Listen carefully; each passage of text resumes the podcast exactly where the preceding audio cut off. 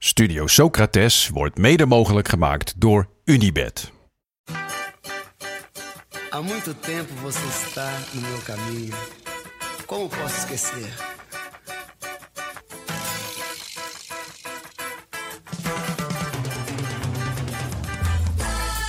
Welkom bij Studio Socrates, een podcast over alles wat voetbal mooi maakt. De komende weken kijken we memorabele wedstrijden van Nederland op het WK terug. Want vaak hebben we wel een beeld van een team of een speler, maar klopt dat wel? Was dat ene team nou werkelijk zo speciaal? En hoe speelden ze echt? En wat kunnen we met het WK voor de deur ervan leren? We gaan op onderzoek uit met deze week Nederland-Brazilië van het WK 74. Volgens de verhalen een van de hardste wedstrijden ooit. Alegria é você, menina. Menina. Rijsbergen. Dan geen tijd uitgegroeid tot een volwaardig international. Renze Brink stuurt daar Krol op links weg. Dan komt de voorzet en is Cruijff is. Het is goal! 2-0. Wat een juweel van een doelpunt. Toen wij geboren werden, eind jaren 80, begin jaren 90, en we van voetbal bleken te houden, hadden we één groot probleem. We hadden het totaalvoetbal uit 74 niet meegemaakt. We mochten als jonge jochies dan wel het mooiste doelpunt ooit in een oranje shirt hebben gezien, die van Bergkamp tegen Argentinië in het stade Velodroom, of de 1-5 vernedering van Spanje, waar Robben Ramos en Piqué eruit liet zien als Penders en Zwaanswijk. We hadden nog steeds het totaalvoetbal niet gezien. Het totaalvoetbal van 1974. Nooit werd er meer zo mooi gevoetbald. Als we de verhalen moeten geloven tenminste. Het is tijd om proef op de som te nemen. Ja, precies. Nou, daar gaan we het straks uitgebreid over hebben waarom wij twee jongens van, eh, van net 30 een wedstrijd van 50 jaar oud hebben teruggekeken. Hebben we ons namelijk eh, een beetje tegen afgezet. Ja, Lange tijd. en waarom we dan nu opeens eh, eraan toegeven. We zijn met z'n tweeën. Jonne zit weer op vakantie. Waar is hij ook alweer? Ik heb eigenlijk geen idee. Er staat me iets bij van de Dolomieten, maar dat kan echt helemaal verkeerd zijn. Maar op een of andere manier heb ik dat in mijn hoofd. Eh, we houden het gewoon op de Dolomieten. Voor de rest is de, de aflevering eigenlijk bijna precies zoals jullie van ons gewend zijn. We kijken elke week een wedstrijd in zijn geheel terug. Ja, Want ja, eh, compilatiefilmpjes blijken helemaal niks te zeggen. Eh, maar het WK staat voor de deur. Dus we gaan komende weken langzaam naar dat WK toeleven. En dat gaan we doen door in de tijd eigenlijk daar naartoe te reizen. Dus we beginnen vandaag eh, met een WK-wedstrijd van Nederland van het WK 74. We kennen al die eh, verhalen van de generatie van onze ouders.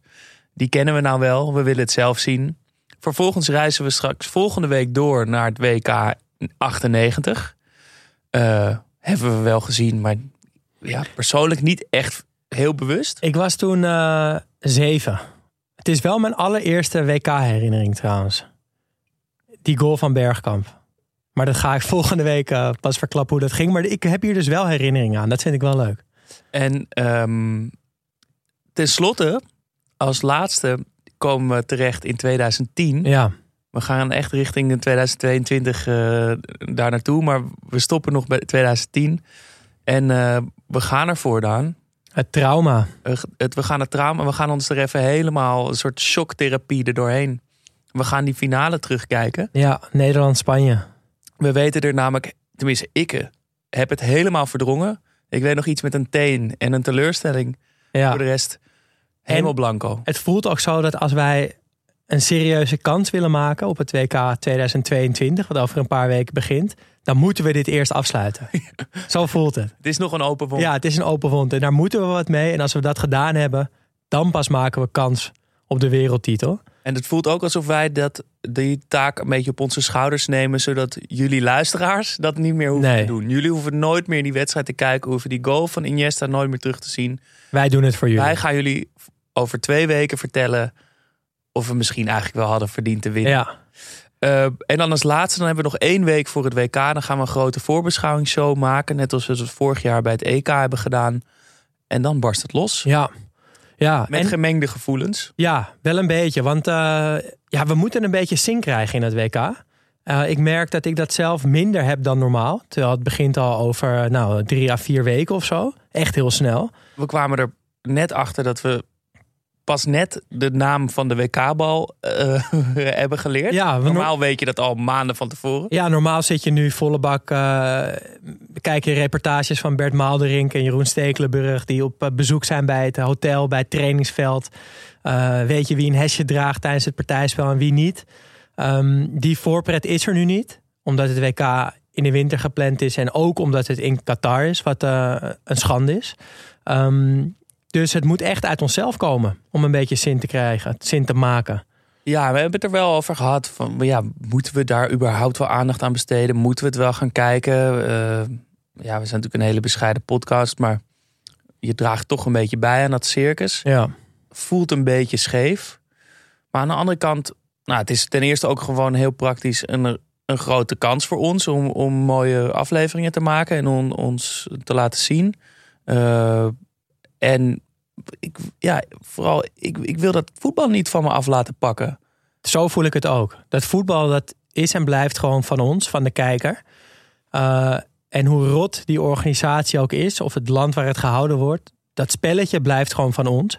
En dat is ook al jaren, nou jaren, twee jaar ongeveer nu de echte insteek, het gevoel van onze podcast. Ja, want het is natuurlijk ook de Champions League is ook een gedrocht, Ja. een verschrikkelijke organisatie. Uh, daar, zitten wij, daar zoeken wij inderdaad ook wat moois tussen. Ja, dus dat gaan we nu ook doen. In welke vorm weten we nog niet precies, maar de grote kans dat we te horen zijn tijdens het WK. Um, en dan aan het eind van deze aflevering, uh, dan we, we bespreken straks die wedstrijd uit 74 aan het eind. Normaal stellen we onszelf drie vragen. Daar gaan we de komende weken plakken we daar een vraag uh, bij. De drie vragen die we altijd stellen is één, wie of wat vult het meest op? Twee, welk beeld moeten we bijstellen? En drie, als je één ding zou mogen meenemen naar het nu, wat zou dat dan zijn? Ja, en dan hebben we nog één bonusvraag. Als je één speler zou mogen selecteren voor het WK 2022, uit de wedstrijd die we teruggekeken hebben natuurlijk, uh, wie zou dat dan zijn? Dus dat gaan we doen. Dat gaan we doen. Ja, maar eerst, uh, wat maakte voetbal mooi dit weekend? Um, nou, voor mij een filmpje um, van Brobby en Taylor. Dat zag ik deze week voorbij komen. Die, zijn, uh, die worden gefilmd op de training van Ajax. En die hebben elkaars hand vast. En niet gewoon normaal, maar met hun vingers zo in elkaar gewikkeld. En Taylor en Brobby zijn beste vrienden. Spelen, ook al, uh, spelen samen bij Ajax sinds volgens mij hun achtste of zo. En ik vond het zo'n ontroerend beeld dat die twee nu volwassen mannen spelend in Ajax 1 nog steeds beste vrienden hand in hand op die training staan. Um, en het ging nog zelfs ietsje verder. Op een gegeven moment ja, ging dat weer een beetje uit elkaar, die handen. Maar bleef ze elkaars vingers vasthouden. En deden ze om beurten zo die vingers lostrekken. En ik vind dat ook iets heel intiems. Ik doe dat altijd met mijn vriendinnetje als we op de bank liggen. Dan kroel ik zo een beetje zo door de haren, een beetje naar de wang en dan ietsje lager. En dan op een gegeven moment komt het zo, dat, ja, dat, die hand van mij zo voor haar gezicht. En dan weet ze, oké, nu is het tijd om even die handmassage te geven. Een beetje aan die vingers te trekken zo. En uh, dat doe ik met niemand anders. Hoor, daar. Behalve met mijn, met mijn levenspartner. Ja. En ik vond het dus zo mooi en lief dat Brobby en Taylor dat deden op het trainingsveld bij Ajax. Echt een uh, bromance om jaloers op te zijn. Ja, het is natuurlijk als, als spelers in een team ben je natuurlijk ook al wel fysiek. Je ziet elkaar op training veel. Ja. Je ziet vaak armen over elkaar heen of uh, geinen en dollen en elkaar vasthouden en zo. Je, je, je, je, raakt elkaar natuurlijk tijdens het sport ook de hele tijd aan. En ja. vaak moet je in van die spelletjes die je op een training doet dan ook een hand vasthouden. Maar dit was wel echt anders. Dus Ja. ze stonden gewoon aan de zijlijn te wachten. ja, heel klein en intiem. En uh, daardoor ook wel, ja, ik vond het ontroerend. Ik vond het heel mooi. Ik had ook iets uh, moois. Ik, had, uh, ik heb dit jaar een uh, programma gemaakt voor de NTR. Op televisie. Op de televisie. Um, en er was een evenement van, de, van de NTR waar ik heen was deze week. En uh, wat leuk was, want ik, ja, als je zo'n programma maakt, je ziet alleen de mensen met wie je werkt. Geen idee wie de NTR is. Maar die maken natuurlijk een hele heleboel programma's. En wie ook presentator bij de NTR is, is Tom Egbers pleitbezorger van het WK 74 ook, hè? Uiteraard. En ik uh, was natuurlijk uh, starstruck. Ik durfde niet uh, te beginnen over onze podcast. Um, Maar er stond iemand naast die ik goed kende, Elias Maasian, goede vriend, een DJ die ook een podcast maakt bij NTR. eh, en vriend van de show. Zeker. Die zei meteen heel lief tegen Tom. Eh, dit is Jasper, hij maakt Studio Socrates. Vind ik zo'n leuke, een leuke podcast. En ging meteen ook reclame maken. Ook zo van ja, voetbal en eh, weet je wel. Ehm, en eh, eh, dus die Tom Egbert stond het een beetje aan te horen. En die knikte toen en zei: Ja, ja, Studio Socrates. Ja, dat ken ik. nou, toen meen niet. ik bijna door mijn hoeven dat Tom Egbers, iemand die we zeker bij het terugkijken van al deze wedstrijden van 20, 30, 40, 50 jaar terug elke keer Ja, wij, zijn opge- erbij we zijn opgegroeid met Tom Egbers. op zondagavond, maar ook al deze toernooien. En eh, hij vindt het dus blijkbaar leuk wat we doen. Nou, dat vond ik echt een enorme eer. Eh, en toen heb ik meteen, hij zei meteen, nou, welke wedstrijd eh, hebben jullie deze week dan gedaan? Toen zei ik, nou, leuk dat je het vraagt. Eh, Nederland-Brazilië 1974. Daar kon hij natuurlijk lekker over meepraten. En dan kon ik hem natuurlijk een beetje ook eh, uitdagen van, ja, jij bent die oude garde Ja. waar wij ons tegen afzetten. Ja, nou ja, Tom, als je luistert. we zijn heel benieuwd wat je van onze kijk op het eh, WK 74 vindt. Daar gaan we het nu over hebben.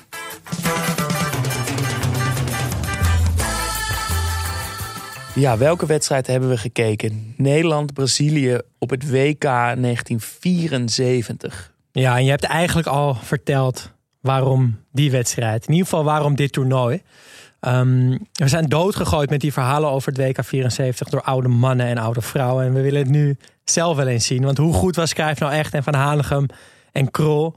En dat totaalvoetbal bestond dat wel? Bestaat dat wel? En wat is dat En wat is dat dan?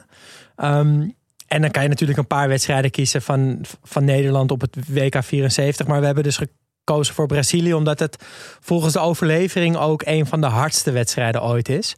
Ehm, een botsing van voetbalstijlen op dat moment. Dus heel verzorgd aanvallend voetbal van Nederland tegen een soort van ja, schop en slaan voetbal van Brazilië.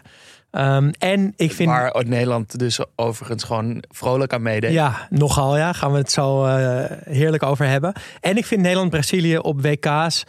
ja, dat is ook wel echt een iconische wedstrijd. En dat voelt ook meer dan welke wedstrijd dan ook voor mij ook echt als het WK. We hebben nou, in 74 eh, dus gehad, maar ook in 94, in 98, in 2010. Ehm, ja, het is echt een WK-klassieker die voor ons een mooi startpunt kan zijn in eh, ja, de zoektocht naar Nederland als voetballand misschien een beetje. Van ja, waar komen we eigenlijk vandaan? Hoe heeft zich dat ontwikkeld? En wat mogen we dit WK van Nederland gaan verwachten? Want dat vindt toch zijn oorsprong in, eh, in deze toernooien. Ja, en ik, ik, heb er, ik had dus ook opeens heel veel zin om dit terug te gaan kijken. Want, nou, Door Tom Egbers. Of, Nee, ja, gewoon eh, eh, toen wij hadden bedacht van Ja. we gaan door de tijd heen langzaam naar, naar het eh, WK toe leven. Ehm, want we zijn deze podcast, zoals nou, volgens mij voor de vaste luisteraars wel bekend is, begonnen omdat we, ja, we zagen vaak die terugblikken en mooie verhalen en anekdotes van mensen als Tom Egberts bij andere tijden sport bijvoorbeeld. Eh, maar al die verhalen spelen zich af tussen 1974 en 1988, misschien 95. En daarna is het voetbal waar wij groot mee zijn geworden, wordt toch vaak afgedaan een soort modern voetbal. Eh, verwende verdettes en eh, aanstellerige miljonairs. Ehm, vroeger was alles beter. Precies, dat, Ja. heel erg, dat heeft nostalgie heel vaak. Van, weet je wel, toen was het mooi en nu is het dus niet mooi. En vroeger had je nog grote mannen met snorren die je tegenstander onder het gras eh, schopten. Met eigen sigarenwinkels. Ja, maar onze generatie heeft ook recht om terug te blikken op de, op de teams en de spelers waar wij mee groot zijn geworden. Dus alles vanaf 2000. Daar hebben we de afgelopen twee jaar heel veel eh, afleveringen over gemaakt. Maar nu is het dus ook tijd om een stukje terug te veroveren op die verhalen van die oude cynische mannetjes. Ja, Eh, want wij hebben daar ook recht op. Wij mogen daar gewoon over meepraten, Daan. ja, Dit is ook van ons. zeker. En er is ook niet zo irritant als eh, mensen die de hele tijd praten over iets wat zo mooi of zo goed is geweest.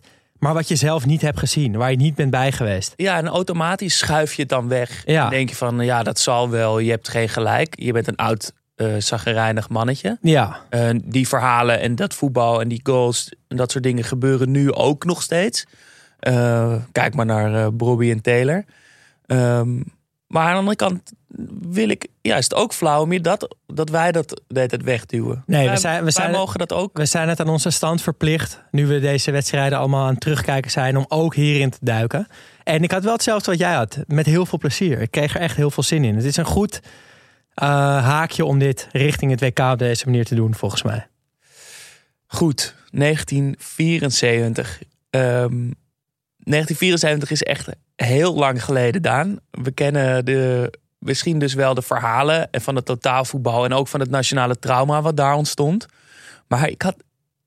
Het voelde nog redelijk dichtbij daardoor. Reken je ook altijd eerst gewoon naar het jaar 2000? Ja, En daarom denk je van ja, 30 jaar of ja zo. maar er komt inmiddels 22 jaar Ja. weer bovenop.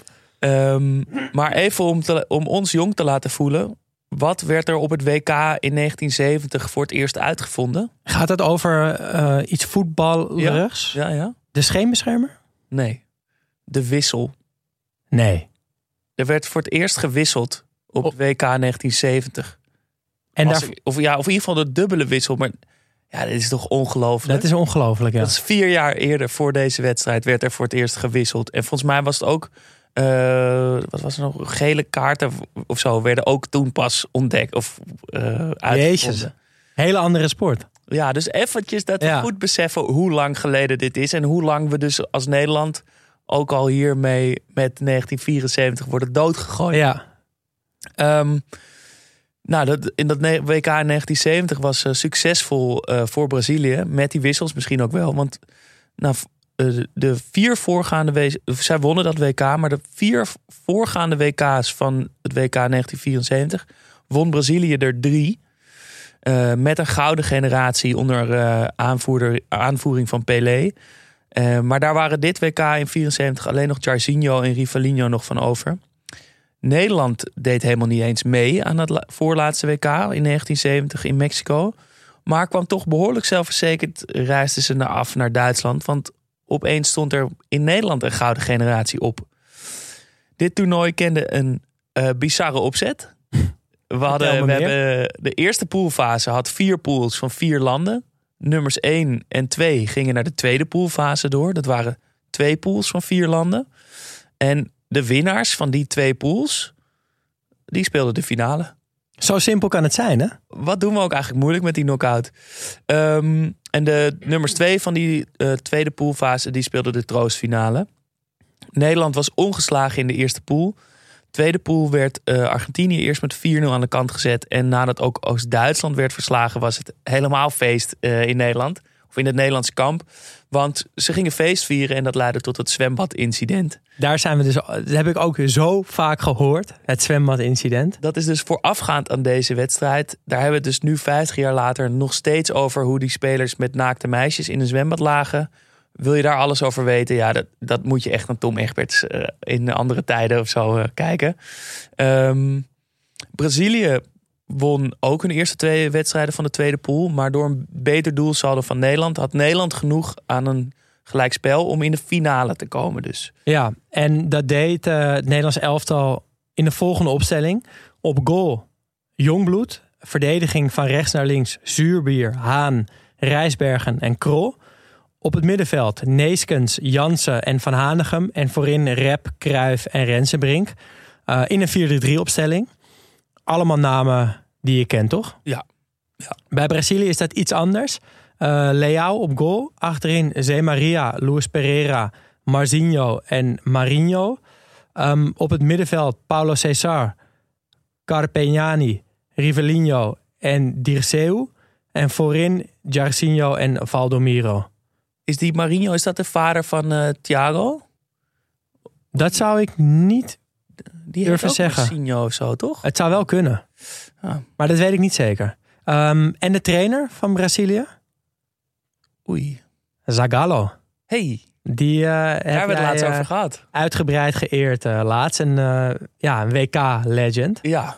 En die was dus ook hier, hier aanwezig. ja, won als speler twee keer het WK met Brazilië volgens mij. En Ja. daarna als, twee keer als assistent bondscoach en twee keer als, als bondscoach. Ja, won als- soort iets. Als speler twee keer in 58 en 62. Als bondscoach in 1970. En als assistent bond, bondscoach in 94.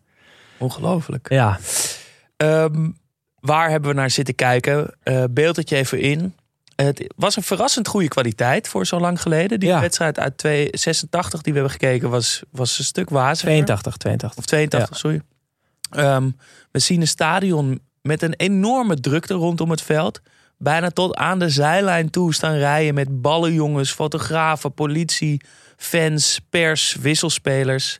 Eh, als de spelers in de rust ook naar binnen gaan, moeten ze echt naar binnen wurmen door een zee van mensen. Het lijkt bijna alsof eh, iedereen zo het veld op gerend is en ze moeten vluchten of zo. Voor Alsof ze nog iemand. te wachten op het laatste fluitsignaal om het, om het veld inderdaad te Ja. bestormen. Eh, de wedstrijd werd gespeeld in het Westfalenstadion, het oude stadion van Dortmund. Eh, vandaar dat, je, dat er ook veel oranje fans op de tribune zitten. En we horen tijdens de wedstrijd regelmatig Hup Holland Hup en Holland wint de Wereldcup. Wat verder ook opvalt aan het stadion zijn twee cornervlaggen ter hoogte van de zijlijn. Die waren nodig in eh, 1970 blijkbaar. En eh, de grensrechters hadden roze vlaggetjes. Mooi detail. Brazilië in prachtige shirts. Donkerblauwe t-shirts met witte, een wit rond kraagje en ook bij de mouwen. Met lichtblauwe broekjes. Precies waar ik van hou, dat het shirt en het broekje niet dezelfde kleur hebben. En witte sokken met heel mooi gele en een groene band aan de bovenkant. De kleuren van de vlag van Brazilië natuurlijk. Ja, heel stijlvol. Nederland in, eh, in het wit. Met eh, witte shirts met lange mouwen en witte broekjes. Maar wel met oranje sokken met dunne zwarte lijntjes aan de bovenkant. Eh, en die shirts zijn allemaal mooi, van Brazilië en van Nederland. Maar ze worden vooral, vond ik, met zoveel stijl en zoveel swag gedragen. Ja, Eh, Krol valt op met een enorme wilde bos haar en twee gouden kettingen. Eh, maar de prijs voor beste look gaat wat mij betreft naar of Van Hanegem. Die ook met die grote zwarte unibrow, unibrow en die soort gebukte kromme schouders en een grote gouden ketting. Of naar Rivellino. Eh, ook zwarte krullen, lange zwarte bakkenbaarden en een hele grote indrukwekkende snor. En die had ook net als Cruijff Puma Kings aan. Verder laatste detail nog eh, goed om te noemen. Rinus Michels op de tribune. Met nog mooi donker eh, bruin haar.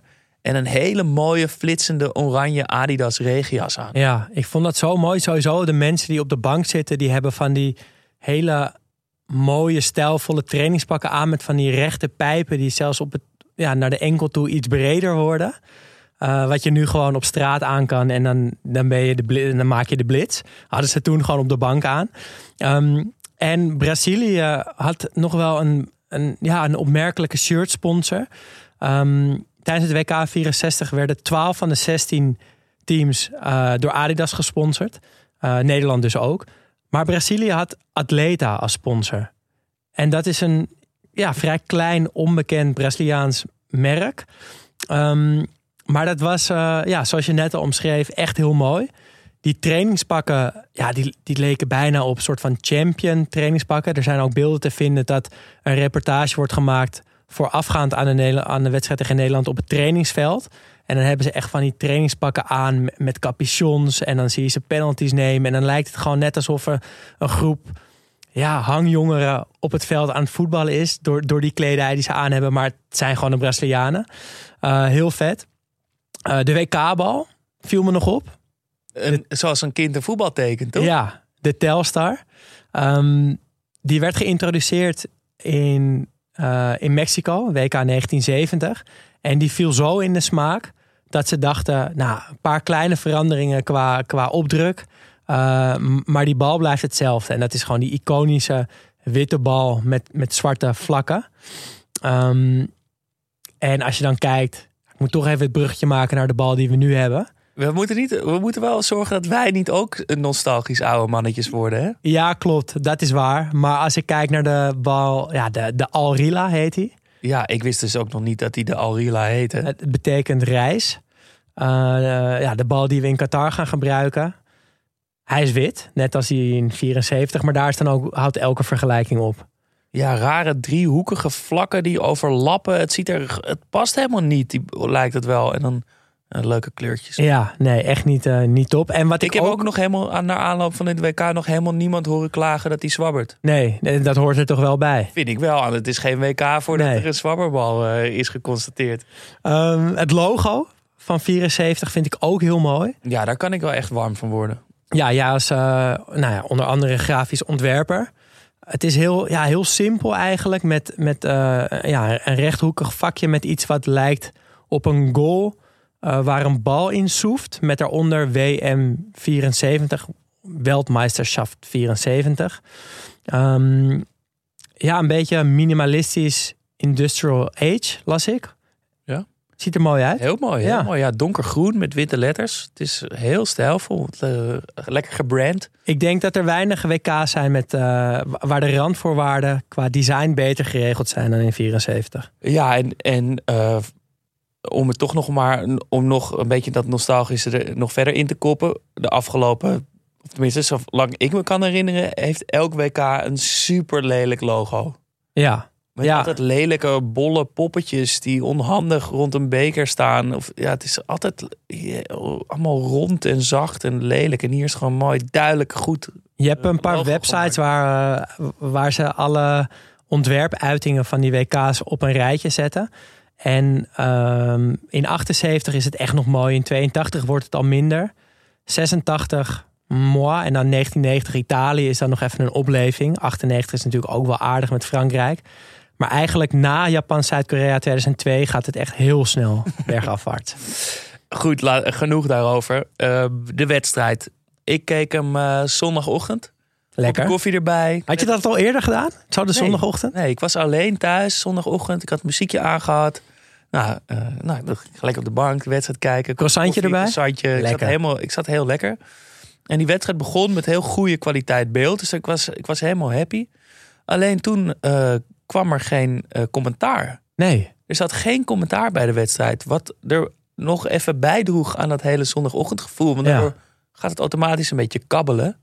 En kom je niet echt in die spanning van zo'n wedstrijd. Maar vond je dat fijn of niet? Nou, het was heel, ik was, zat heel lekker in dat zondagsgevoel.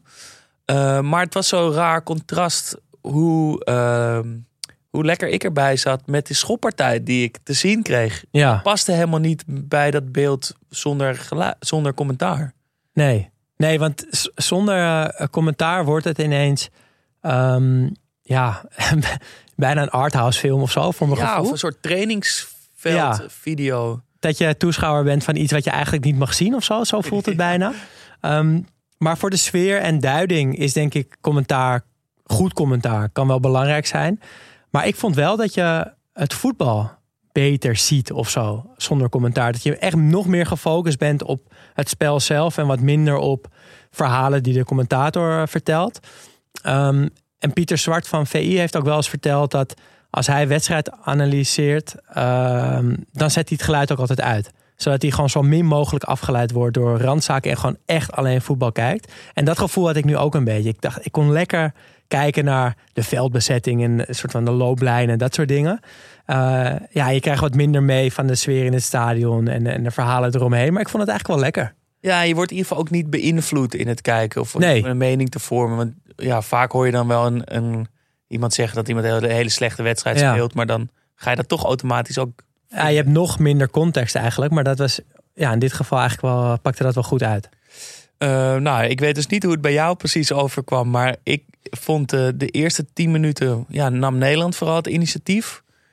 Heel veel paasjes van Kruif en van Hanegem... Die, dat, die het spel een beetje dicteren. En dat doen ze door bijna uitsluitend... alle pasen met een buitenkant voet te geven. Ja. Er is zelfs een vrije trap op de achterlijn... links van het goal die Kruif neemt... met buitenkant rechts, zodat hij afdraait. Allemaal dat soort voorbeelden... Uh, ja, heel leuk om te zien. Ja, ja en ik, en, en uh, een heel mooi initiatief vond ik, wat ze, of hoe Nederland het naar zich toe trekt. ja, ik ben eigenlijk uh, na die eerste tien minuten echt positief verrast. Want misschien wel door al die verhalen die aan ons verteld zijn, dacht ik, ja jongens, het, ik heb wel eens compilatiefilms gezien en het ziet er echt niet uit. Een soort van heel traag en uh, helemaal niet ja, ik, ik, zag het gewoon echt niet, dat totaalvoetbal. Maar ik kijk nu de eerste tien minuten. En ik, ben, uh, ik vind het echt goed. Ik vind het voetbal goed. Het is aanvallend, het is verzorgd. Het is uh, veel over de grond. We hebben in veel van de voorgaande wedstrijden heel veel lange ballen gezien. Dat was nu helemaal niet. Um, de veldbezetting klopt. Er zit een idee achter. Um, er lijkt echt een plan. Uh, dit zijn niet zomaar elf spelers die lekker los zijn gelaten op, in de wei. Ze hebben een plan. En ik ben wel echt benieuwd hoe dat zich gaat ontvouwen. Ehm, maar ik ben positief verrast die eerste tien minuten. En het leidt ook meteen tot echt een mega kans voor Cruijff. Van Hanegem steekt de bal uiteraard met de buitenkant heel mooi diep. Zo'n mooie paas was dit. Uh, er komt een soort kluts voor de goal. Die bal blijft hangen. Cruijff kan bijna vrij inschieten. Een hoek uitkiezen. Maar nog, het wordt echt heel goed gepakt door die keeper. En ja, daarna bij de uittrap van de keeper... Uh, is er een minuut stilte. Ja. ja, ik heb dat gemist. Maar wat. Uh... ik dacht dat het, het beeld loopt vast. Maar toen zag ik wel mensen over de tribune heen en weer lopen. Ja, volgens mij een herdenking iets in de tiende minuut. Geen idee, ik kon er niks over terugvinden. Nou, als we een, een oude luisteraar hebben die erbij was, laat, laat, het, het, ons weten. Uh, maar dan. Uh, Misschien was het wel stilte voor de storm. Dat zou kunnen, want dan gebeurt het dan. Ja. Da, op da, daarna wat je zegt, het, het gebeurt heel verzorgd, mooi, aanvallend, opbouwend voetbal. Dus ik dacht, oké, ja, totaal voetbal. Wat is dat dan? Maar opeens gebeurt het en is het daar. Na tien minuten is er opeens totaal voetbal. En ik uh, moest echt in mijn ogen wrijven. Ik had nog nooit zoiets gezien. Uh, Brazilië heeft de bal. En nou, de wedstrijd voltrekt zich redelijk volgens de lijnen die het voetbal volgt die wat ik ken, wat de wedstrijden die ik in mijn leven heb gezien. Maar dan opeens verandert dat. Gaat bijna het voltallige elftal van Nederland wordt opeens zwart voor de ogen en gaan op volle sprint de bal afjagen. Maar niet één, niet twee, niet drie, niet vier maar spelers. Zes of zeven. Ja. Lijkt wel of het een soort robotleger is met een chip in hun hoofd. waar opeens een, een signaal op binnenkomt. Ze vergeten waar ze mee bezig waren zwart voor hun ogen, geen eigen wil meer. En alleen nog maar kunnen denken, moet de bal afpakken. Ja, het is... Ja, het is gewoon nog nooit zoiets gezien. Het deed mij. Ja, het deed mij een beetje denken aan het begin van zo'n racewedstrijd met honden. Dus dat op een gegeven moment die hekjes open gaan. En dat ze allemaal in één keer zo hard mogelijk wegrennen. Uh, dan richting de finish in dit geval natuurlijk, dan richting de bal. Maar het is, uh, ja, het is wel, het is absurd. Um, het, eh, het is inderdaad iets wat, wat je nu niet meer ziet op deze manier. Uh, wat je hiervoor denk ik ook niet zo hebt gezien. En het, ja, een heel duidelijk aspect van, ja, van het totaalvoetbal. Of is dit volgens jou het totaalvoetbal? Nou, ik dacht, tenminste wat ik dan wel eens in de overlevering heb gehoord, dat totaalvoetbal betekent dat iedereen aanvalt en iedereen verdedigt. Ja. Uh, en volgens mij ook dus meerdere posities. Dat iedereen op meerdere posities komt te staan. Zo'n zo soort. Ja. Uh, dat dat dan totaalvoetbal is. Maar wat hier in deze wedstrijd naar buiten komt, blijkt dat het. Want het, het is dus ook niet de hele tijd, maar dat gewoon af en toe iets met z'n allen gaan doen. En uh, een ander voorbeeld, wat dus nu ook meteen ergens in de vijftiende minuut gebeurt, is de buitenspelval. Dat wordt ook met totaalvoetbal opgelost. Ze gaan dus af en toe heeft Brazilië de bal en dan zien ze dat die willen inpassen of zo. En dan rennen ze dus met zeven man volle sprint naar voren om die ene Braziliaan buitenspel te zetten. Wat dus ook best wel veel risico heeft. Heel veel risico. Uh, dat afjagen met z'n zessen trouwens ook, denk ik. Ja. er moeten enorme ruimtes vallen.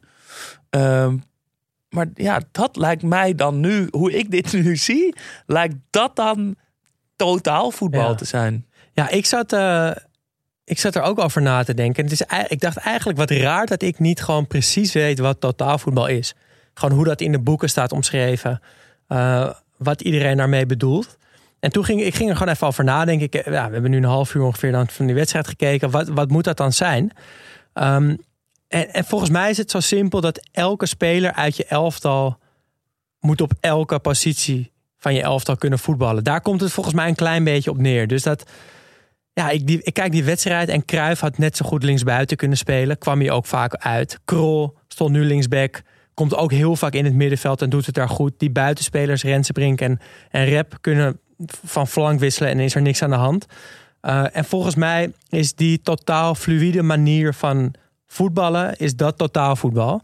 En ja, toen keek ik op Wikipedia en het is inderdaad ongeveer dat.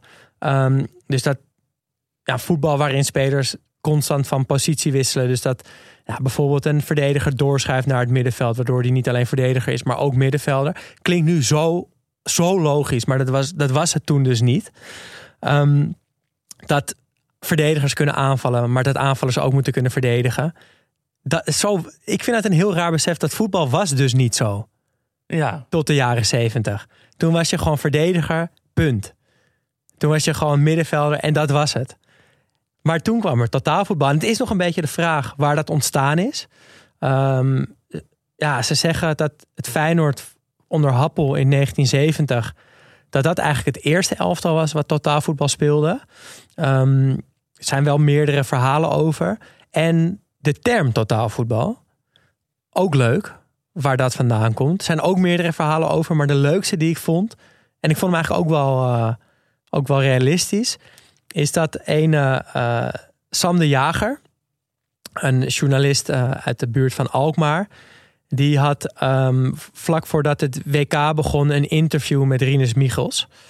En hij was de avond voor dat interview met Michels was hij naar theater gegaan. En, Wat al een heerlijk detail ja, is. En hij noemde, ze hadden daar een gesprekje over. En hij noemde dat totaaltheater soort van, dat is een beetje allesomvattend, um, heel goed. Oftewel, totaaltheater. Uh, dat, dat noemde hij in dat interview met de bondscoach. En vervolgens heeft Rinus Michels die term gebruikt om zijn elftal mee te omschrijven. Sam de Jager. Leuk, dat Ja. zou je maar op je, op je Ja. namen bestaan. Totaalvoetbal. Maar ja, dat verklaart dan nog niet dat opeens dat die soort glitch die er ontstaat. eh, Het is bijna inderdaad een glitch in een voetbalspel waar opeens een team heel raar gaat doen. Ja, En opeens met z'n allen een soort kortsluiting krijgt en heel hard naar de bal sprint. ja. Nou ja, als je het, ik kan me voorstellen dat het voor de luisteraar nu al een beetje raar klinkt. Maar op YouTube staan dus ook compilaties van alleen deze momenten. Dus alleen die drukzetmomenten gedurende het WK. En dan weet je inderdaad echt niet wat je ziet. Eh, deze, die, die, die toch wel ni- niet geheel risicoloze tactiek van dat buitenspel zetten met name. eh, dat legt meteen die kwetsbaarheid. eh, of tenminste, Brazilië legt die kwetsbaarheid eigenlijk in de periode of zo tot de 30 minuut opeens best wel bloot. Ja, Want die, die buitenspelval die is dus ook niet. Ja, soms staan ze dus echt opeens in hun eentje 10 meter buitenspel. Maar soms meter. ja op het randje. Hij wordt wel eens gegeven dat je denkt, nou, met een VAR erbij had ik het nog maar moeten zien. Ehm, maar twee keer staat degene, proberen ze het en staat de aanvaller eh, niet buitenspel. Eén keer komt Lima één op één op de keeper af en schiet voorlangs. Ook een hele mooie actie van Vas Franco, die eigenlijk een beetje een soort al hooghoudend twee keer over een verdediger heen Heel mooi was die, ja. heen eh, speelt. Dus een soort passeeractie tussen drie man door. Eh, en komt door die hele hoge lijn, door dat druk zetten, opeens in een zee van ruimte terecht. Gebeurt verder niet zoveel mee. Eh, maar je ziet, Brazilië komt er iets meer aan te pas. En laat dus die kwetsbaarheid van Nederland meteen goed zien. Ja, en, en het, is, het is echt op die momenten dat Brazilië gevaarlijk wordt. Want ze spelen zelf eigenlijk niet. Weet je, Brazilië denken wij natuurlijk ook, Joga Bonito. Maar dat, is dit echt nog niet. Ehm, Of in ieder geval niet meer. Dat, ja, het was het wel inderdaad. Want in, onder Pelé misschien wel. ja, want in, in 1970, het, het WK hiervoor, werden ze wereldkampioen met extreem aanvallend voetbal. Ehm, maar uit dat team bleven eigenlijk alleen Rivellino en Jairzinho over als basisspelers. En in 74 kozen ze dus voor een extreem verdedigende tactiek. Eh, dat is een soort transitieperiode ehm, naar het aanvallende voetbal wat ze willen spelen. Ik vond het eigenlijk een beetje lijken op een team wat gewoon een collectieve psychose heeft. ja, die gewoon even. Ze Net als Nederland eigenlijk. nou ja, ze weten gewoon, maar, maar- dan meer mentaal. Soort van, ze weten gewoon niet meer wie ze zelf zijn. En gaan daardoor maar hele gekke dingen doen. Ze zijn de identiteit van hun voetbal kwijt. Ja, je ziet dat ze heel reageren op Nederland en dus gewoon gaan schoppen. Ja, Eh, en denken we gaan dat maar ontregelen. En het is dus vrij negatief en behouden. En dan wel inderdaad die lange ballen die Ja. je bij Nederland eh, bijna niet ziet. Eh, maar het gaat gelijk op, want Nederland krijgt ook weer een grote kans in de 30ste minuut. Het is weer Van Hanegem die vanaf het midden, middenveld met buitenkant een prachtige steekbal op een inlopende zuurbier geeft. Tussen echt een aantal verdedigers door. Die komt net een beetje links van de goal, kan zich nog open draaien om eh, op goal te schieten. Schiet in de korte hoek. Keep heeft hem. Die rebound wordt de, eh, heeft de verdediger in zijn voeten. En Suurbier komt van achteren aangerend. En die geeft die gozer echt een doodschop van achteren. Om die eh, bal te heroveren. Ja, het is dan lastig dus om dan zonder commentaar door te hebben wat er dan gebeurt. Een soort klein opstootje wel. Pereira krijgt geel. En vervolgens, en dan zien we Cruijff voor het eerst echt als de Cruijff... Of tenminste, zag ik Cruijff voor het eerst van Cruijff zoals ik hem ken. Die gaat even met de scheids praten en die roept ook die Pereira bij zich. En draait hem, draait hem voor de scheidsrechter, draait die Pereira fysiek om. En wijst hij op zijn rugnummer. Zo van deze, Hem moet je hebben. hem moet je hebben, hij moet een kaart. Ja, Maar- nee, daar zie je een beetje de kruif inderdaad. Hoe, hoe- we hem kennen met het, met het lijden en het wijzen en, en weet ik het allemaal. Ehm, maar we zien ook eigenlijk voor, ja, voor de vierde, vijfde keer deze eerste helft van Hanegem. Want die paas is, is ongelooflijk. Ehm, bij AFC, waar, waar ik heb gevoetbald, noemden ze dat altijd een bal binnenkant back. Dus als je hem steekt tussen de, binnen, tussen de, eh, de back en de centrale verdediger door. Balletje binnenkant back, vind ik een heerlijke term. Eh, en Van Hanegem beheerste dat. En sowieso, wat een, wat een rust en een uitstraling. Ehm, ik had heel erg verwacht dat Cruijff de grote regisseur zou zijn. Uh, maar in mijn ogen was dat eigenlijk Van Hanegem. Het was alsof hij met een magneet op het middenveld stond en alle ballen naar zich toe trok om ze vervolgens met buitenkant links weg te leggen. Uh, als het even kan uit stilstand. Want echt, echt heel veel lopen doet hij niet. En als hij dat wel doet, dan zie je eigenlijk ook waarom hij dat niet zoveel doet. Want hij loopt helemaal gekromd voorover gebogen met hele kleine pasjes. Hij komt gewoon echt niet vooruit. Um, ja, de kromme, is niet voor niks. Kromme paas, maar kromme rug ook. Um, hij geeft trouwens ook nog een heel smerig pannetje op het middenveld. Die heb ik helemaal gemist. Ja, die was ook echt genieten. Uh, ja, en hij kan dus mee in dat gemene spel van de Brazilianen. Want in de 37e minuut kan hij letterlijk drie keer rood krijgen in één minuut. Dan trapt hij gewoon in één minuut met druk zetten drie verschillende spelers op een hoop. Het is echt ongelooflijk. En als je die wedstrijd, als die, die ontvouwt zich, en het is ook echt nodig, want Brazilië is alleen maar aan het ontregelen. En die hadden ook niet verwacht dat Nederland zich daar met hun kon meten in dat aspect van het voetbal. Maar wel dus, want Van Hanegem, uh, Krol, Zuurbier, Rijsbergen, die, die trappen er ook echt op los als het moet. Ja, en ja, wat je zegt, uh, dat valt natuurlijk op. Maar, maar Van Hanegem viel mij dus ook echt heel erg op. Die Cruijff, ja, we zien hem af en toe. Hij maakt af en toe een mooie actie. Maar... Nog niet zo opvallend? Nee, vond ik niet zo. Maar Van Hanegem is echt een grote man. Hij deed mij een beetje denken als een, als een middenvelder op een tafelvoetbaltafel.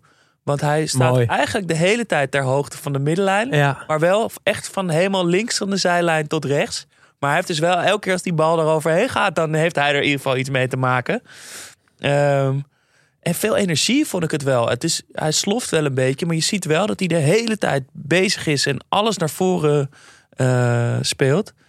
Uh, en dan die gouden ketting en die unibro. Ja, het is eigenlijk een, uh, een speler waar, waar Jonne gek van zou zijn. De voetballende zes. Het is echt een. Ja. Eigenlijk vond ik het de meest moderne voetballer misschien wel. Die, die, die, die de verbinding is tussen de verdediging en, de, en het middenveld. Uh, ja, wel, wel.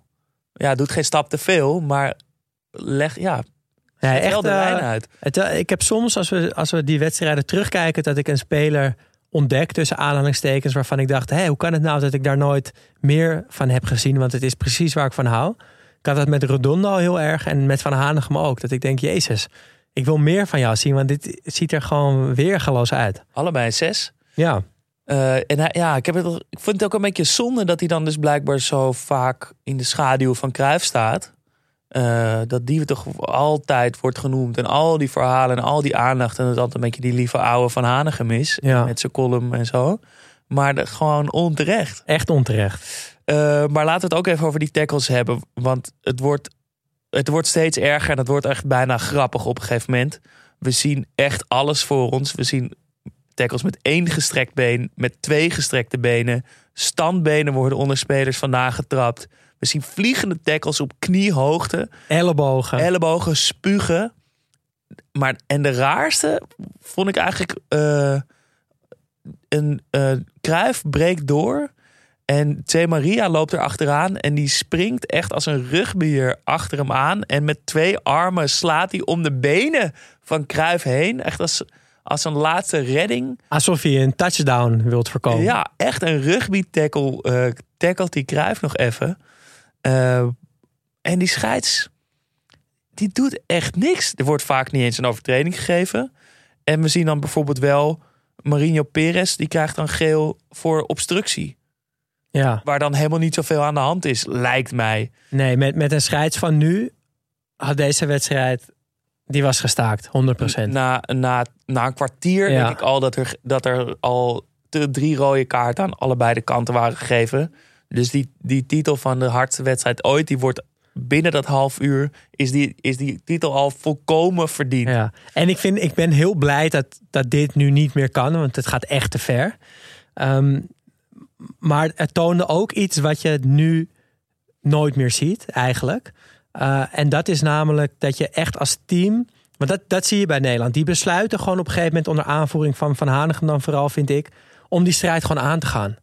Van we gaan niet zeiken, we gaan niet uh, uh, die scheids erbij betrekken, we gaan niet soort van iets anders doen. Nee, oog om oog, tand op tand. Kom maar, gewoon, kom maar op. En misschien is dat dus ook wel, want je hoort vaak, we moeten ons eigen spel blijven spelen en ons niet uit de tent laten lokken. Laat je maar misschien dus Ja. uit de tent lokken. En ga die strijd maar aan. Ga die strijd maar aan als je tegen zo'n negatief ingestelde ploeg staat. Wel ook je aanval verzorgd Ja, het kan doen. allebei. Maar wel als er dan gewoon wel af en toe een elleboog Ja. uitdelen. Maar ik vond het mooi dat, dat ze gewoon gezamenlijk naar het front liepen. Zo voelde het een beetje. Het was wel echt oorlog. Ja, het was echt oorlog. Ehm, in de, vlak voor rust raakt Neeskens dan ook niet geheel ontoevallig eh, geblesseerd. Ja, bij weer zo'n eh, misdadige tackle. Hij wordt eh, behandeld op het veld. En dit is dan ook weer zoiets. nou, net als die, die scheidsrechter, waar ik dan helemaal niks van snap. waar ik ook helemaal niks van begreep. En dus ook argumenten zijn dat vroeger echt niet alles beter was. Opeens rennen er allemaal fotografen het veld op. Die Neeskens van dichtbij. Dus die wordt gewoon door één of twee verzorgers. eh, Het is behandeld. geen rust. Het is gewoon de geen 42e minuut. en er staat gewoon een ring van, ik denk wel 10 of 15 fotografen over hem heen gebogen om even close nog even een foto van Neeskens te maken. Heel raar, heel raar ge- aangezicht. Er zitten die hele wedstrijd los van dat spel, die overtredingen en die rare collectieve acties van Nederland, zitten er heel veel van dit soort dingen in, waardo- waardoor ik het idee had, ik heb, ik heb nog nooit zoiets gezien. Het voetbal wat ik ken is echt iets anders. Dan, eh, dan wordt het rust. En zien we opeens Pelé in beeld. Die in een gigantische bontjas handtekeningen uitdeelt. Ja, ergens in de catacombe van het stadion volgens mij. Ja, ja, natuurlijk de grote man nog in Brazilië. Omdat hij eh, vier jaar eerder met zes goals de titel eh, naar Brazilië brengt. En nou, lekker dat die eventjes in beeld wordt gebracht. Ziet er ook goed uit. Ja, die bontjas. Ja, en eh, ja, dan begint natuurlijk op een gegeven moment eh, de, de tweede helft. Ja, en die begint dus ook weer meteen met zoiets wat je nog nooit hebt gezien. Namelijk een aftrap van drie Brazilianen die Ja. om de bal heen staan. Op een rij gewoon. Ja, en die gaan Die lijken heel even naar voren te dribbelen en dan Ja. nee, toch maar terug. die, ja, bijna stapvoets dribbelen ze een beetje de helft van Nederland op. Met z'n drieën om die bal heen. Ja, Eh, en, maar daarna, vrij snel na de aftrap, in de 50ste minuut, 1-0. Er is een vrije trap eh, op, de, op de eigen helft van Nederland. Van Hanegem, hoe kan het ook anders? Speelt eh, hard Neeskens in tussen de linies. Die paast naar rechts, naar Kruif. Doet een actie. En geeft hem een beetje laag hard voor het, het ja met zijn in binnenkant. met binnenkant waar die Neeskens is doorgelopen. En die komt hard inlopen met een man in zijn rug. Dus terwijl hij in duel is, slijt hij een beetje die bal die van rechts komt. En hij komt ook een beetje uit rechts van de goal. Slijt hij hem, ja, krijgt hij die bal met een soort boogje over de keeper heen in de verre hoek. Dus hij verlengt hem Ja. eigenlijk een beetje. Ja, en ik denk dat het een heel goed voorbeeld is van, eh, van het eh, totaalvoetbal. Want het begint met het vooruitdenken van Van Hanegem, die een snelle vrije trap neemt. Eh Neeskens, die eigenlijk verdedigende middenvelder staat, maar die nu tussen de linies als een soort van valse nummer 9 zich aanbiedt. Ehm Kruif is inmiddels uitgeweken naar de rechtsbuitenpositie. Uh, en Neeskens beweegt ook weer heerlijk door op het moment dat hij die bal naar Cruijff gepaast heeft.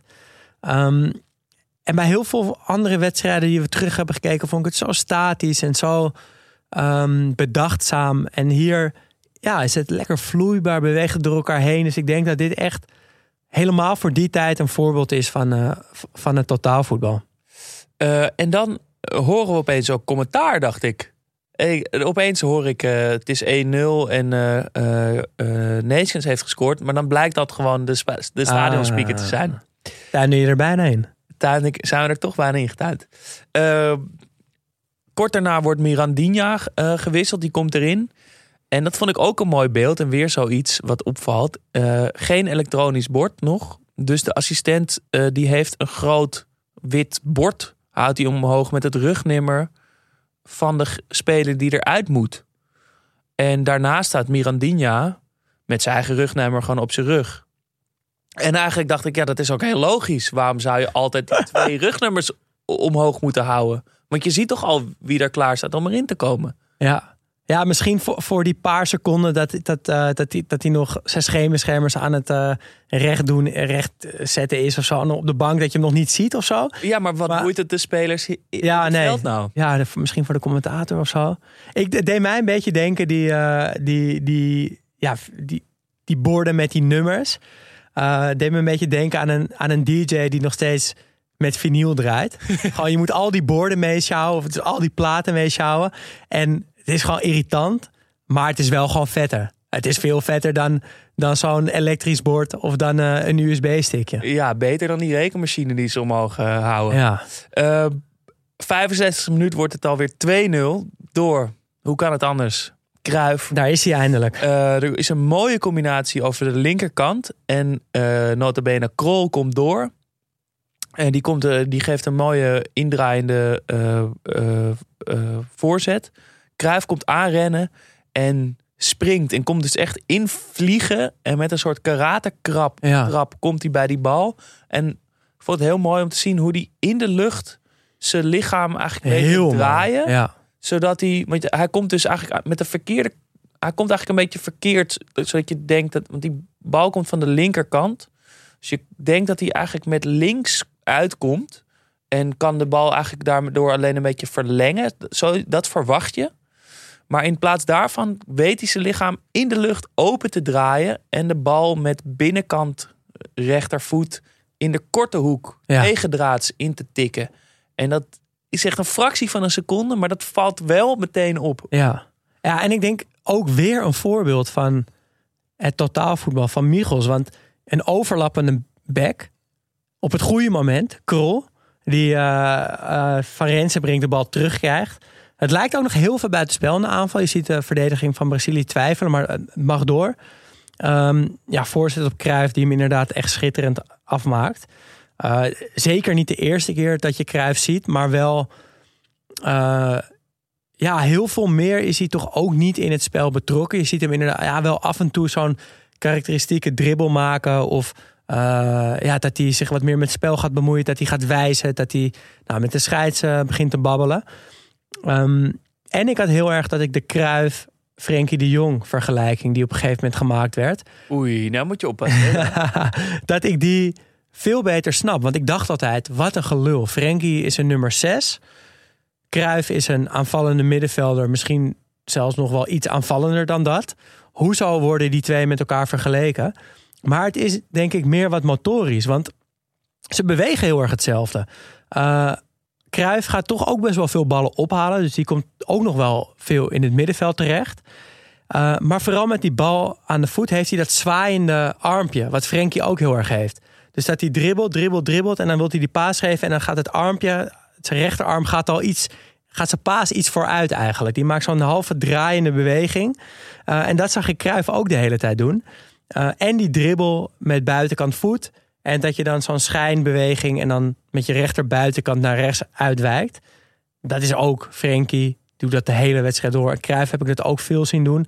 Um, en dat lijkt ook echt op elkaar. Dus nu, ik dacht opeens, hé, hey, die, ja, dat, dat ziet er toch wel hetzelfde uit. Dit moet toch uh, muziek in de oren zijn voor, voor de generatie van onze, van onze ouders, of weet ik veel, ooms of uh, die dit wel allemaal hebben gezien. Ja, Ik kan me voorstellen dat die in een knijsje lachen en ons jonge, jonge gasten er opeens over Cruijff horen lullen. zie je wel, we hadden Ja, toch gelijk. Toch gelijk. Dan krijg je die. Ja. We moeten ook oppassen dat we niet te veel Ja. gelijk gaan geven, inderdaad. Eh, maar viel inderdaad ja, niet zo op, Cruijff. Wel mooi, een mooie uitstraling met, dit, met dat ranke lijf en die dunne benen. En hij lijkt altijd met zijn benen zo iets uit elkaar te staan. Eh, waardoor, ja, waardoor zijn benen zeg maar, zo'n driehoek naar boven eh, vormen. Eh, en dan het korte broekje en die, die lange mouwen shirts. Wat ik Ja. trouwens ook vet vond. Dat, Ja. dat, dat iedereen had lange mouwen shirts aan in Nederland. Ja, je ziet dat wijzen veel. Je ziet wel dat hij de hele tijd over de bal heen kijkt. Ja. En dat scannen, dat, ja, daar zijn we nu natuurlijk ook extra op gefixeerd. Luister maar onze oude afleveringen terug als je niet weet wat scannen is. Maar eh, dat zie je hem echt de hele tijd doen. Zijn hoofd gaat van links naar rechts aan één stuk door. En dan ziet het er vaak ook niet heel vloeiend uit, vind ik. Het is vaak, het schokt een beetje. Hij Ja. stopt, kapt, kijkt, draait weer door, draait om, kapt weer, haalt die bal weer even terug. En gaat er dan toch langs om weer te stoppen. En dan met dat heen en weer kijken, voelt vaak een beetje van: oké, wat, Ja, waar ga je nou wat ga je doen? Eh, maar we weten nu ook hoeveel dat scannen oplevert. Ja. En eh, bedenk ik me nu opeens dat eh totaalvoetbal, total voetbal en de Cruyff Turn eh, zijn onlangs opgenomen in het Engelse woordenboek als officiële woorden. En die hebben we allebei aan het werk gezien. Ja, totaalvoetbal komt nou, de hele wedstrijd veel voor. Tenminste, mijn definitie dan. Met dat, dat rare met z'n allen opeens Ja, dat druk ogen zetten. worden. Dat, dat gebeurt de hele wedstrijd. Eh, nu in de 75e minuut weer een mooi voorbeeld, vond ik. Eh, Brazilië krijgt een, eh, na een hele lichte overtreding, wat dan heel raar is, een vrije trap op ongeveer 20 meter van de Nederlandse goal. En Nederland gaat met negen man in de muur staan. En de enige die overblijft, die staat na twee meter daarvan af. Weer zoiets, wat, wat zoveel risico. waarom? Waarom? Vraag je af. En ik, ja, ik kwam er dus, zeg maar, dat het totaalvoetbal in. Laat, nou, laat het even zeggen van jou- jouw definitie van totaalvoetbal met die posities die wisselen. Eh, dat, dat is duidelijk, dat is mooi en dat is verzorgd en dat is eh, heel, heel, voelt heel modern. Maar dat, dat afjagen met z'n met tienen tegelijkertijd ongeveer. Ja, is dat dan nou heel naïef? Of is dat, zit daar ook een uitgekookte gedachte achter die ik niet eens door heb? Nou, ik denk wel dat dat eh, voor toen extreem revolutionair was. Dus dat je dat als tegenstander dat je gewoon geen flauw idee had wat er gebeurde. Een soort van je- overrompelingstactiek die dus wel goed gewerkt heeft volgens mij. Want ik kan me niet herinneren dat ze een op die manier een tegengoal hebben gehad. Ook in andere wedstrijden niet. Weet je, uit, uit alle filmpjes die ik heb gezien. Maar stel dat jij nu een wedstrijd speelt en de tegenstander nu kan doet dat zoiets, Nee, dan zou je er toch heel blij mee zijn. Ja, want dan geef je nou, één diepe bal inderdaad en dan is, is dat gedaan. Ehm, maar aan de andere kant denk ik wel weer dat dit de basis is voor die, ja, weet je, voor de vijf seconden regel, de drie seconden regel.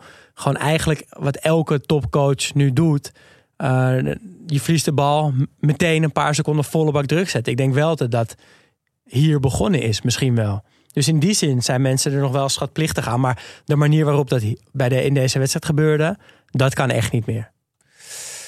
Eh 84e minuut komt er dan eindelijk een rode kaart eh, voor Pereira. En die is dan, ook al hebben we echt de allersmerigste overtredingen gezien, is deze alsnog echt terecht dat deze dan wel rood krijgt. Want Misdadig. echt een Oh, Hij. Neeskens, hij is echt gefrustreerd, dat zie je.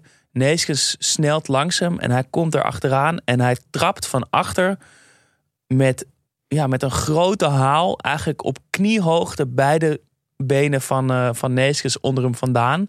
Ik vond het bijna categorie Kokmeijer Boehousan. Ja, ik snap helemaal wat je bedoelt. En eh, Pereira is daarna ook echt door het lint. Krijgt meteen een eh haat al geel, maar krijgt meteen een rode kaart. Wordt tegengehouden, wordt echt van het veld afgeduwd. Hij wil nog naar de bank van het. Nederlands elftal. Gaat het publiek nog Ja. even uitdagen en de bank. Ehm, Daar zie je trouwens nog wel wat moois. Dat volgens mij zit het Braziliaanse publiek boven de bank van Nederland. Of in ieder geval een paar, paar Brazilianen. Op een gegeven moment draait Michels om en die maakt zo'n 2-0 beweging naar de tribune. Van ja, je bek maar, we staan 2-0 voor. Heerlijk. eh, eh, ja, en hij doet dan ook twee soort peace-tekens naar het publiek. Die Pereira, hij steekt geen middelvinger op, maar misschien een ouderwetse een psychose, wat ik al zei. Het werd zwart voor zijn ogen. ja. Uh, Neeskens overigens wel echt geblesseerd. Kan ook niet anders, want het is echt, echt een... Ja, je zou er eigenlijk uh, gewoon door de politie uh, door Ja. af moeten worden, zo'n zo'n overtreding. Eh, die wordt eh, gewisseld voor Rinus Israël. Hadden ze eerder moeten doen, want had die hem even een Die keekje, hadden we, eh, ja. Ehm, maar dan zit de wedstrijd er bijna op. Ja, ja. Nou, nog een paar minuten en dat is eigenlijk eh, uitzingen. Want Brazilië gaat niet meer, niet meer scoren, dat merk je. Nederland vindt het wel best. Uh, en dan wordt het 2-0 en dan is Nederland dus door naar de finale van het WK 74. Ja, daar gaan we het vooral niet over Nee. hebben. Ehm, Maar dan moeten we toch, ja, moeten we toch aan elkaar even eerlijk zijn tegen elkaar. Wat was dit totaalvoetbal? Was dit beter, minder goed? Wat, wat had je verwacht? Hoe, kwa- hoe kwamen ze eruit? Even kort. eh, het was veel beter dan ik dacht. Maar eh, dat meen ik echt. En, eh, maar ik, ja, ik wist gewoon af en toe echt niet naar waar, ik, waar ik naar zat te kijken. Het leek af en toe een soort voetbalspelletje met een glitch. Maar dat is. Ja. Alsof, je met, alsof je met een speler op een, eh, de bal probeert af te spelen met jouw poppetje. Dat je probeert af te pakken, gaat tackelen. En dan meteen op L1 drukt om weer een nieuw Zodat mannetje te selecteren. komt. En dan meteen weer volle sprint erop. Eh, Wel mooi dat we nu totaalvoetbal aan het duiden zijn aan de hand van voetbalspelletjes. Eh, maar gewoon überhaupt gewoon het feit of gewoon zes of zeven spelers op 10 vierkante meter te zien staan, geeft gewoon een soort kortsluiting. ja. Maar goed, eh, ik wil daar niet eh, lullig over doen. Ere wie ere toekomt. Ik begrijp de hype. Eh, ja, waarom het over dingen als het zwembadincident, waarom we het daar nog steeds over hebben, ja, het zal wel. Maar dat dit bijzonder was en dat dit veel heeft gedaan voor het voetbal, dat snap ik. ja, ook voor mij. Een volmondig ja. Ik vond het, eh, ik vond het een bijzondere ervaring. De drie vragen, nou nee, de vier vragen. De vier vragen, ja. Eh, maar laten we met onze vertrouwde vragen beginnen. Eén, wie of wat viel het meest op? ja, 100% van Hanegem voor mij. Sluit ik me helemaal bij aan. Twee, welk beeld moeten we bijstellen?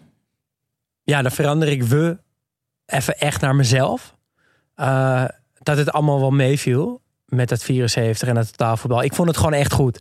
Dus dat beeld wil ik toch voor mezelf bijstellen. Ja, maar wat ik dan wil bijstellen is dan toch wel dat romantische voetbalbeeld. Want ja, het voetbal was heel goed, maar vroeger was echt niet alles beter. Nee, De terugspel, terugspeelbal die in handen genomen mag worden is verschrikkelijk. verschrikkelijk. Eh, die scheidsrechter die niet fluit is echt verschrikkelijk. De VAR is echt een godzegen. Fotografen niet meer om het veld is ook prima. De hele tijd de tijd en de score in beeld kunnen zien is ook heel fijn. Is lekker, ja. Eh, goed beeld is fijn. Eh, ja, ga zo maar door. Er zijn...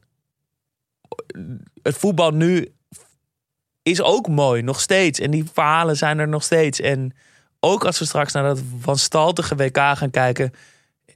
heeft voetbal mooie dingen en komen daar ook mooie verhalen uit. Mooi gezegd. Dankjewel. Ja. Drie. Als je één ding zou mee mogen nemen naar het nu, wat zou het dan zijn?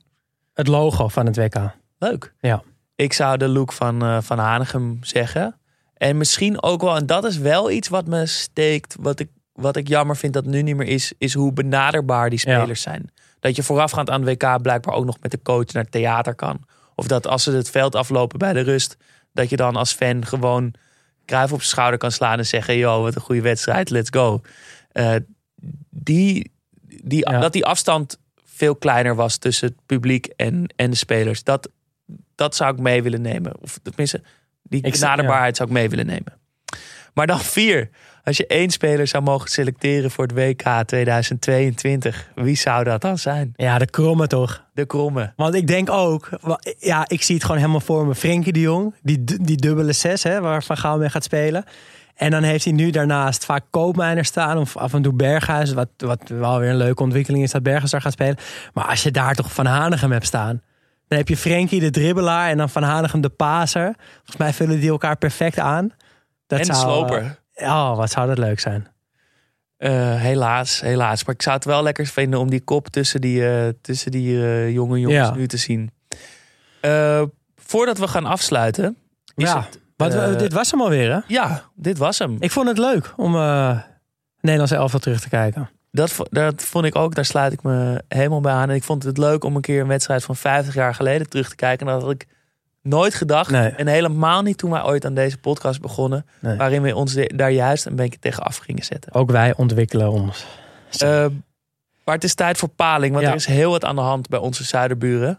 Eh, het is een eh, bewogen week voor de, voor de, de, de, de Pintjesliga. En eh Paling eh, praat ons bij. Ha mannen, paling hier. Op Twitter las ik vandaag een polletje. Wie zou er eerst ontslaan worden?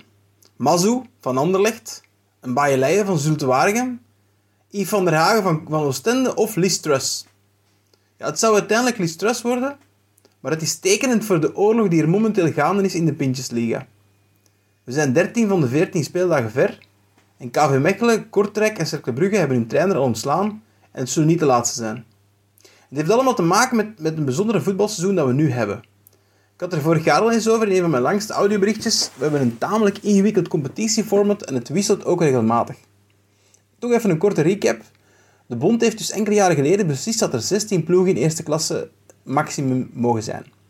Dat zou attractiever zijn, minder wedstrijden en minder profclubs is ook economisch rendabeler. En we hadden een competitieformat met 16 ploegen, tot het coronaseizoen er de competitie vroegtijdig stopzette. Op dat ogenblik konden nog twee ploegen degraderen. En er was eigenlijk maar één daler. En er konden ook nog twee ploegen kampioen spelen in tweede klasse. In, in plaats van de eentje die kan opgaan. En de Belgische oplossing was dan geen dalers, wel twee stijgers en terug een competitie met 18 ploegen tot het seizoen 2022-2023. Nu dus. Maar na dit jaar gaan we dus terug naar 16 ploegen. Er zijn nu drie rechtstreeks dalers op 18 ploegen en één stijger uit tweede klasse. En dat is wel bijzonder. Er zijn nog wel competities met drie dalers, zoals Spanje of Engeland, maar dat is allemaal op 20 ploegen.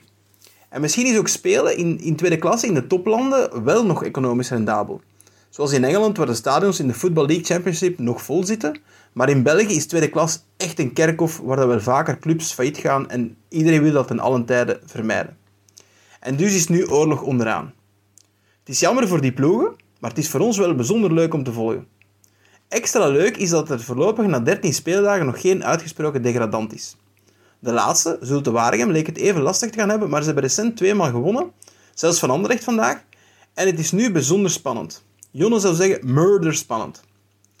De laatste vier hebben elk 11 punten en 3 overwinningen en Serijn staat momenteel op een veilige 15e plaats op basis van het minst slechte doelsaldo van min 9. Het gaat voorlopig ongeveer tussen iets van een 7 à 8 ploegen onderaan voor drie plaatsen, want het ligt daar nog allemaal op een zakdoek. De stelling van de bond, dat er te veel profclubs in België zijn, wordt wel enigszins bevestigd door het feit dat vier van deze ploegen uit West-Vlaanderen komen. We hebben in België 10 provincies en op 18 eerste klassers komen er dus maar liefst 5 uit één provincie. Cercle Brugge, Club Brugge, Kortrijk, Oostende en Zoete vissen dus allemaal in dezelfde West-Vlaamse vijvers achter supporters, achter sponsors en dat werkt dus niet. Club Brugge gaat met heel veel lopen en de andere vier, ja, die hebben het lastig, die hebben het al jaren lastig. En dus een dikke 100 jaar na de Eerste Wereldoorlog krijgen we dus nu weer strijd in Flanders Fields. En volgens mij gaan er op die drie dalers zeker twee West-Vlaamse clubs zijn die het niet gaan overleven. We zullen zien. Ik ben benieuwd. Groetjes, Paling. Dankjewel, Paling. Hou ons op de hoogte, want dat, dat al dat nieuws bereikt ons hier inderdaad niet zo. Ja, en eh, waar Paling voor eh vreesde, want hij appte ons nog. Hij heeft de- deze voice memo een paar dagen geleden ingestuurd. En hij appte al, nou, het zou zomaar kunnen zijn dat als jullie dit uitzenden... dat er alweer meer trainers ontslagen zijn. En wat blijkt? Trainer van Eupen ook ontslagen en de trainer van Anderlecht ook. Dus we staan nu op zes ontslagen trainers en het is nog ineens november. Dankjewel, Paling. Eh, we hebben ook weer veel nieuwe vrienden van de show. Dankjewel daarvoor. Een heleboel verlengers ook. Ja, en wat nieuwe namen, eh, een aantal. Waaronder Jeroen Bons, Sil, Anne Mees. Ik vraag me dus af of dat Sil, Anne en Mees zijn. Of iemand die Sil, Anne Mees heet. Laat het even weten. En Perre. Eh, Perre trouwens is volgens mij Perre die, die ook een podcast maakt hier bij Dag en Nacht Media. De, shit, nou zeg ik randstedelijk, eh, schaamteloos randstedelijk. En ons laatste hele lieve propschaf eh, en veel complimenten eh, vertelde over ons in een weer een andere podcast. Nou, dankjewel, uh, Dus eh, podcaster Perre, dankjewel eh, daarvoor. Jij ook bedankt, Daan. Volgende week zijn we dus weer terug.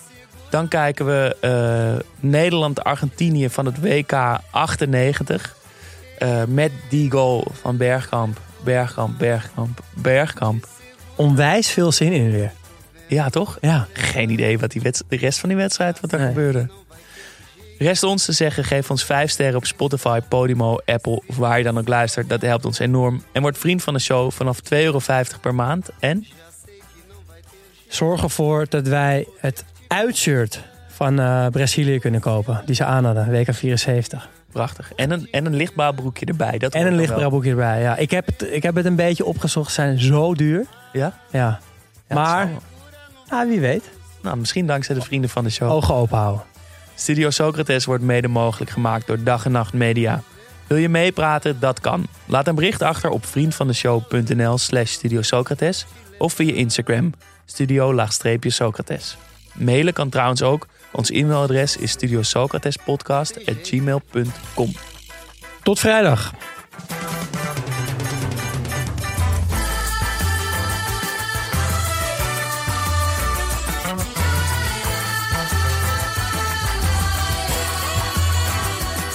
A beleza é você, menina, no seu jeito de olhar. O sucesso é você, menina, menina, no seu modo de andar. Alegria é você, menina, menina, no sorriso que dá. Vendaval por amor, menina, menina, todos querem te amar. Ei, vento, vento, vento no mar, te segura no balanço pro vento não te levar.